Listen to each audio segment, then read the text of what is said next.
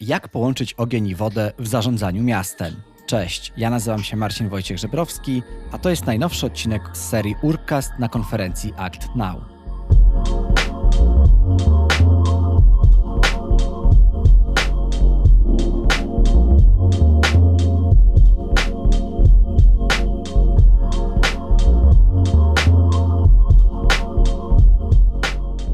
Urbcast na Act Now to seria kilku odcinków, które nagrałem na konferencji Act Now Mayors Conference, która odbyła się między 8 a 10 maja w Stuttgarcie tego roku.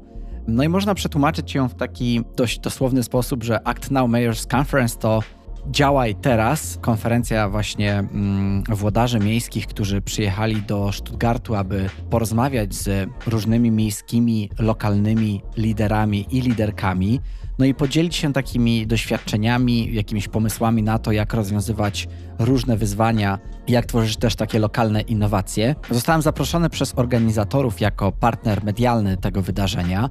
No i dzięki temu miałem też dostęp do różnych bardzo ciekawych gości. Z kilkoma z nich udało mi się porozmawiać. To jest druga rozmowa w tej serii a moim dzisiejszym gościem jest Piotr Porawski, czyli zastępca prezydenta Gdańska do spraw przedsiębiorczości i ochrony klimatu. No właśnie, i ten ogień i woda, który pojawia się w tytule tego odcinka, to jest takie właśnie bardzo fajne określenie, którego pan Piotr użył w naszej rozmowie, które bardzo mi się spodobało. No bo z jednej strony zajmuje się on właśnie przedsiębiorczością, czyli rozwojem tego biznesu w mieście i nie tylko tak, ale jakby no takim ogólnym rozwojem miasta, no ale z drugiej strony także ochroną klimatu, czyli tym, żeby jednak no właśnie, nie nadużywać tak, tej przestrzeni, no i jakby też e, nie szkodzić środowisku, czyli to takie dwie rzeczy, które paradoksalnie być może jest ciężko połączyć i o tym też właśnie będziemy e, rozmawiać. A kolejnymi takimi zagadnieniami będzie właśnie to, jak też priorytetyzować zadania gdańskiego samorządu w dobie właśnie kryzysu uchodźczego w wyniku wojny w Ukrainie, jak w zaradzaniu kryzysowym pomaga to, że Gdańsk jest tegoroczną stolicą wolontariatu, ale także jak na rozwój Gdańska wpłynęło otrzymanie nagrody Innovation in Politics za model integracji uchodźców. No i na koniec, czy te różne doświadczenia, też wcześniejsza polityka miasta, ale także, że też ta obecna wpływa na to, że, że Gdańsk jest być może najbardziej otwartym miastem w Polsce. Zapraszam na najnowszą rozmowę z Piotrem Borawskim.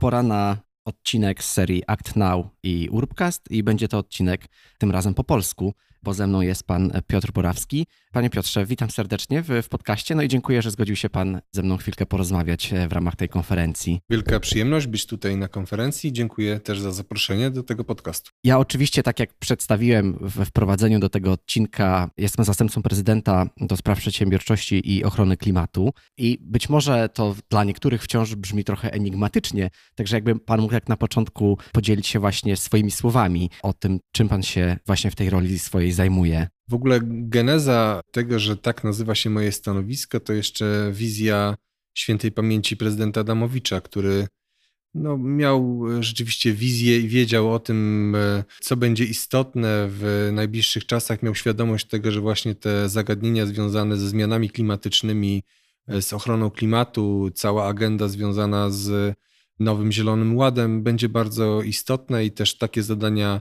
mi powierzył, pani prezydent Aleksandra Dulkiewicz je przedłużyła, więc czasem to tak łączę ogień z wodą, bo oczywiście taki rozwój gospodarczy czasem nie, nie wiąże się z, właśnie z kwestiami związanymi z zmianami klimatycznymi. Często na przykład mówimy o tym, że budując nowe budynki, na przykład musimy wycinać drzewa w miastach i te dwa tematy nie są ze sobą zbieżne.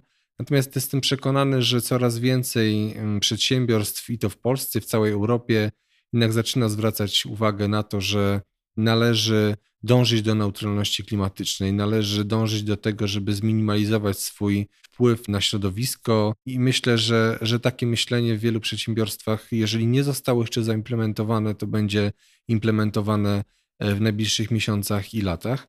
Natomiast no, wspólnie z moim zespołem, ale to nie tylko, że, że ja myślę, że to jest zadanie dla całego miasta, właśnie y, próbujemy zmienić te nasze priorytety rozwojowe, które pewnie tak jak w wielu miastach y, naszej części Europy po wstąpieniu do Unii Europejskiej polegały na budowie brakującej infrastruktury, której po prostu nie mieliśmy, nowych dróg, autostrad, lotnisk czy linii tramwajowej. Teraz e, skupiamy się na tym, żeby myśleć o tym, jak zabezpieczyć miasto przed skutkami zmieniającego się klimatu, ale także jakie polityki i e, różnego rodzaju działania podejmować, żeby minimalizować właśnie te zmiany klimatyczne. Podoba mi się ta analogia łączenia ognia z wodą. Rzeczywiście czasem to tak jest. Myślę, że trzeba postawić na dane rozwiązanie i może się to odbyć kosztem czegoś innego.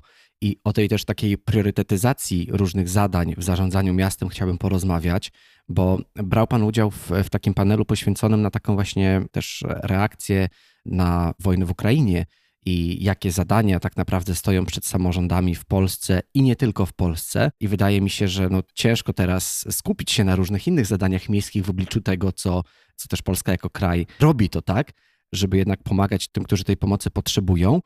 Interesuje mnie, co zmieniło się właśnie w zarządzaniu Gdańskiem, w priorytetach, które macie na rozwój tego miasta po 24 lutego. Doba trwa tyle samo, więc na pewno w pierwszych dniach wojny na Ukrainie rzeczywiście to skupiało naszą główną uwagę i, pewnie 80-90% naszego czasu to było kwestią przygotowania miasta, zarządzania sprawami, które wystąpiły. No przede wszystkim tym kryzysem uchodźczym i całą falą migrantów, które docierały do naszego miasta i regionu. Myślę, że teraz te procedury już są e, dosyć e, dobrze przygotowane, chociaż koncentrujemy się też na tym, żeby no już przejść z tego etapu tych zapewnienia tych głównych potrzeb, takich jak schronienie, dach nad głową, czy jedzenie, czy ubranie, na, na takie potrzeby związane właśnie chociażby z edukacją czy opieką dzieci, poszukiwaniem pracy, przygotowaniem jakiejś oferty kulturalnej. To wszystko w tej chwili próbujemy organizować. Myślę, że z punktu widzenia miasta to oczywiście było bardzo duże wyzwanie, no bo jeżeli w ciągu miesiąca, sześciu tygodni do miasta przyjeżdża 50-70 tysięcy ludzi, no to na pewno zarządzanie taką grupą ludzi, ich potrzebami, ich różnego rodzaju sprawami, to jest na pewno duże wydarzenie. Nie zrobilibyśmy tylko siłami miasta. Na pewno no, otwartość ludzi, którzy przyjęli migrantów pod swój dach, ale myślę, że naszym błogosławieństwem jest również to, że Gdańsk w 2022 roku jest europejską stolicą wolontariatu. I to nasze błogosławieństwo, to, że byliśmy przygotowani do obchodów tej stolicy, mamy bardzo dużo wolontariuszy, a teraz się sprawdzamy de facto w boju. Ponad 3000 osób zgłosiło się, wyraziło chęć, pomaga, także naprawdę jest to niesamowita siła ludzka. Próbujemy tym zarządzać. Myślę, że satysfakcja ludzi i różnego rodzaju historie takie typowo ludzkie pokazują, że wiele rzeczy się udaje. Natomiast no, też y, wszystko zależy od tego, jak długo ta wojna potrwa, bo większość uchodźców mówi o tym, że oni chcą wrócić y, do swojego miejsca zamieszkania, chcą wrócić do Ukrainy w zależności od tego, jak długo będzie trwała ta wojna, tak długo pozostaną z nami, bo myślę, że po jej zakończeniu po prostu będą wracać do siebie. W tym panelu, w którym brał Pan udział razem między innymi z merem Wilna, a także wiceprezydentką miasta Stuttgart, wspomniał Pan o takiej nagrodzie, którą Gdańsk otrzymał już kilka lat temu. Dotyczyła właśnie ona integracji migrantów, tak, uchodźców w tym mieście.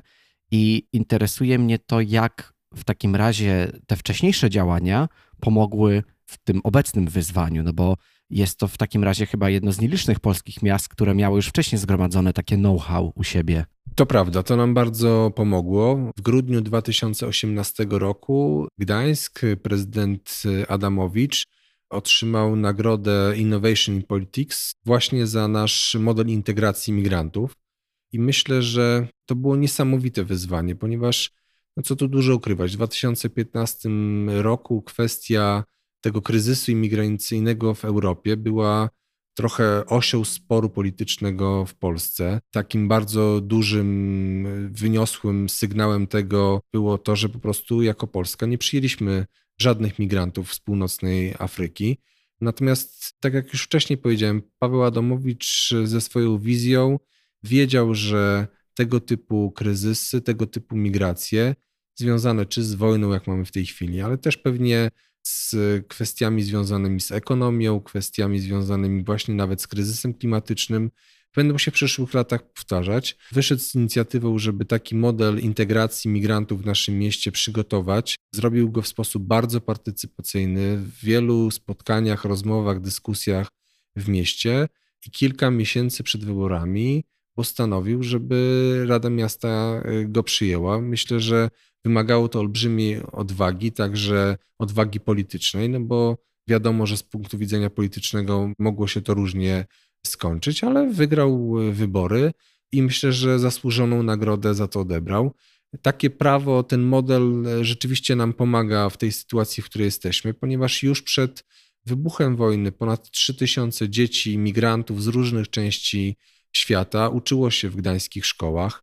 Mamy bardzo wielu pracowników w naszych miejscach pracy, w biurach, w szkołach również. No, Gdańsk jest takim otwartym miastem, gdzie mówimy, że właśnie różnorodność to jest nasza siła, a nie słabość. I, i to jest myślę, że bardzo wymowne i to oddaje ducha naszego miasta, które jest myślę najbardziej otwartym miastem w Polsce co powoduje, że, że fajnie się w nim żyje, ale też powoduje to, że chociażby dla wielu inwestorów z wielu miejsc świata też patrzą na to, jak, że potrafiliśmy zaimplementować taką politykę i jeżeli chcą na przykład otworzyć swój biznes w naszym mieście, sprowadzić też pracowników po to, żeby w naszym mieście pracowali, to wiedzą, że w naszym mieście mogą się czuć bezpieczni i, jest to miasto bardzo otwarte. Takim motywem przewodnim albo jednym z też tej konferencji Act Now na której jesteśmy, jest działanie lokalne, ale z takim mm, globalnym skutkiem. Ale wydaje mi się, że to pojęcie właśnie lokalny a globalny warto by trochę bardziej rozwinąć, no bo z jednej strony mamy szereg różnych lokalnych zadań, które trzeba cały czas realizować. Są potrzeby mieszkaniowe,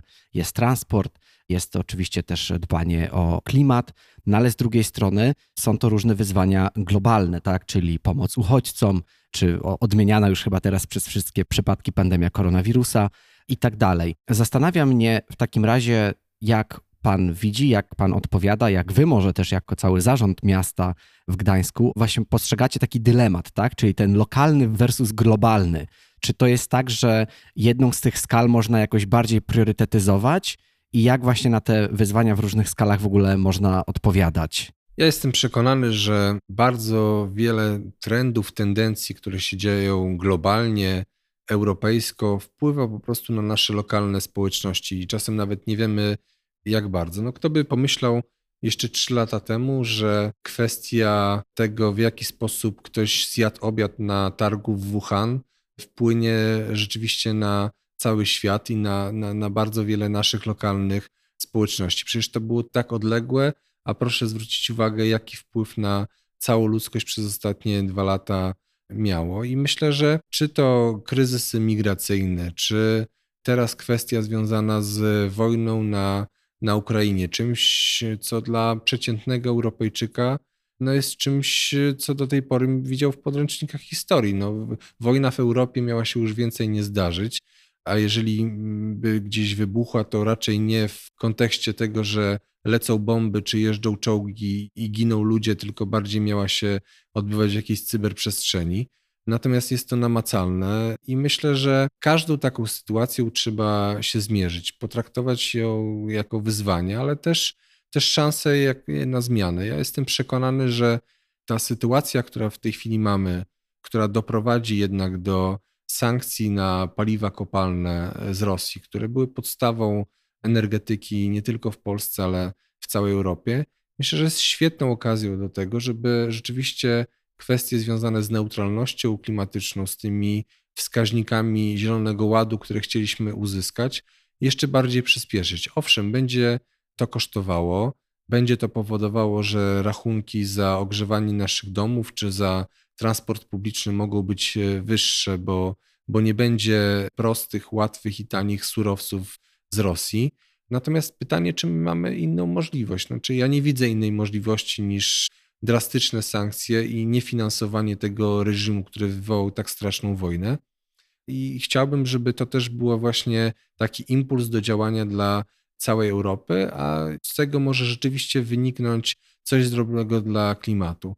Przypomnę tylko już tak ostatnim zdaniem kryzys związany z ropą, arabską ropą naftową w latach 70. To też było taki takie coś, co powodowało, że ludzie stali w kolejkach, żeby zatankować swój samochód i rzeczywiście pewnie to takie nasze życiowe sprawy rzeczywiście bolało i było to trudne, ale wyniknęło to, że uniezależniliśmy się z wielu kierunków i nasza energetyka się poprawiła, nie byliśmy już tak paliwożerni, więc każdy takiego typu sytuacja może być impulsem do działania. Mi to się kojarzy natomiast z taką rezyliencją miejską, tak, która też została takim bardzo popularnym sformułowaniem właśnie w, przez ostatnie kilka lat, gdzie my próbujemy się dostosowywać i raczej myślę, że idzie nam to jakoś do tego, co się na świecie dzieje. Być może niektórych rzeczy się nie spodziewamy, ale jednak ta taka no, ludzka zaradność myślę, że przemawia jednak przez społeczności na całym świecie tak naprawdę. Także ja zawsze jako optymista staram się mówić, że jednak jest to światełko w tunelu. Także dziękuję, że Pan też to w taki sposób przedstawił, tak, pokazując takie analogie. Myślę, że jest to też bardzo pomocne dla słuchaczy. Chciałem w takim razie bardzo podziękować za tą rozmowę, no i życzyć e, powodzenia właśnie w dalszych działaniach w, Gdańsku, bo tak jak już wspomnieliśmy zresztą, no, tych wyzwań naprawdę pewnie będzie dużo, może coraz więcej i też czasami nawet no, nie, nie będziemy się spodziewać, jakie to kolejne wyzwania się pojawią. Prawda, no taką mamy w tej chwili kadencję samorządu, że jak nie pandemia, to wojna i właściwie trochę nie koncentrujemy się na tych działaniach, które mieliśmy zaplanowane, tylko cały czas czekamy, co, co rzeczywistość nam przyniesie. Trzeba być gotowym. No, to takie przysłowie czy przekleństwo, obyś żył w ciekawych czasach, ale no rzeczywiście tak w tej chwili to wygląda. Niemniej jednak trzymamy kciuki za siostry i braci na Ukrainie, ponieważ oni walczą o nasze wartości, oni walczą o naszą demokrację, o nasz pokój i musimy to, mieć tego świadomość. Jeżeli oni nie postawiliby tamy, to w dalszej kolejności byłaby to Polska czy inne kraje tej części Europy i myślę, że zawsze trzeba mieć to jako, jako wartość, że oni walczą za nas. Dziękuję serdecznie w takim razie za naszą rozmowę. Dziękuję serdecznie. you